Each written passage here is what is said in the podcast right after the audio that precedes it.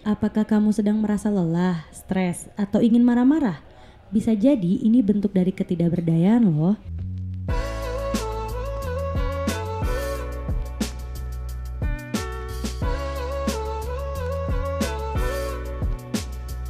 Hai, Assalamualaikum. Kembali lagi di podcast Positif Istri bersama Lulu dan Leni. Menurut penelitian, stres yang kita alami adalah bentuk emosi yang ditunjukkan karena perasaan frustasi atau ketidakberdayaan mengendalikan sesuatu dalam hidup kita.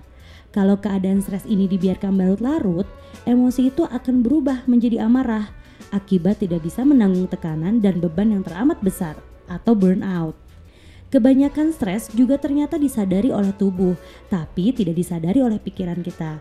Jadi, pikiran kita seakan-akan menolak untuk stres, tapi tubuh kita meresponnya dengan berbagai macam gejala seperti sakit kepala, sakit pencernaan, atau menurunnya imunitas tubuh akibat stres. Kapan sih kita merasa stres? Nah, pertanyaan yang bagus teh Lulu.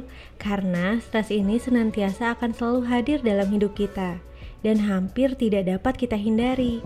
Jadi, kita perlu menyadari sedini mungkin. Sumber stres itu bermacam-macam loh, bisa berasal dari faktor internal ataupun eksternal.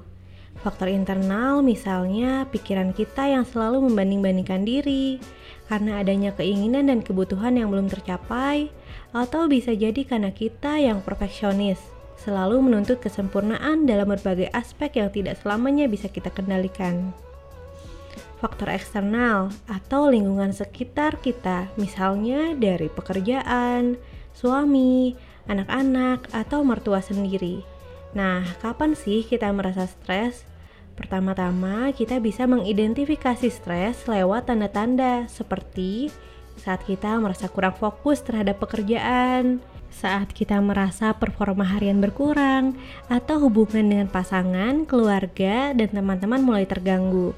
Nah, kita bisa mendeteksinya. Bahkan beberapa kejadian kita juga mulai melampiaskan emosi pada orang-orang sekitar. Saat itu terjadi, itulah waktu yang tepat untuk kita mulai memperhatikan kesehatan mental kita dengan cara mengelola stres ini dengan baik. Oh iya, jadi teringat seorang teman positif istri juga pernah bercerita tentang sikapnya yang lebih mudah emosi kalau melihat rumahnya yang berantakan karena dia melihat cucian pakaian atau piring yang menumpuk.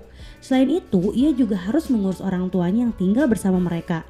Alih-alih berdaya dan membereskan rumah, ia cenderung berdiam diri atau marah-marah pada orang sekitarnya karena merasa capek sendirian. Apa ya yang bisa kita lakukan supaya bisa mengurangi stres ini?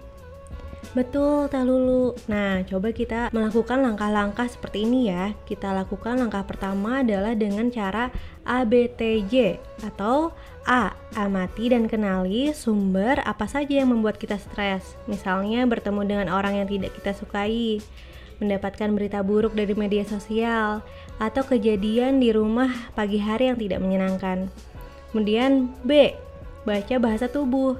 Sadari perubahan apa yang muncul dalam tubuh kita sebagai alarm stres ini biasanya menyerang pada bagian yang lemah, misalnya sakit kepala, pencernaan, atau batuk pilek karena disertai imunitas yang menurun. Kemudian T, terima perasaan yang tidak nyaman itu dengan memberikan afirmasi pada diri sendiri. Dan J, berikan jeda pada tubuh untuk dapat menerima perasaan dan pikiran yang membuat kita stres.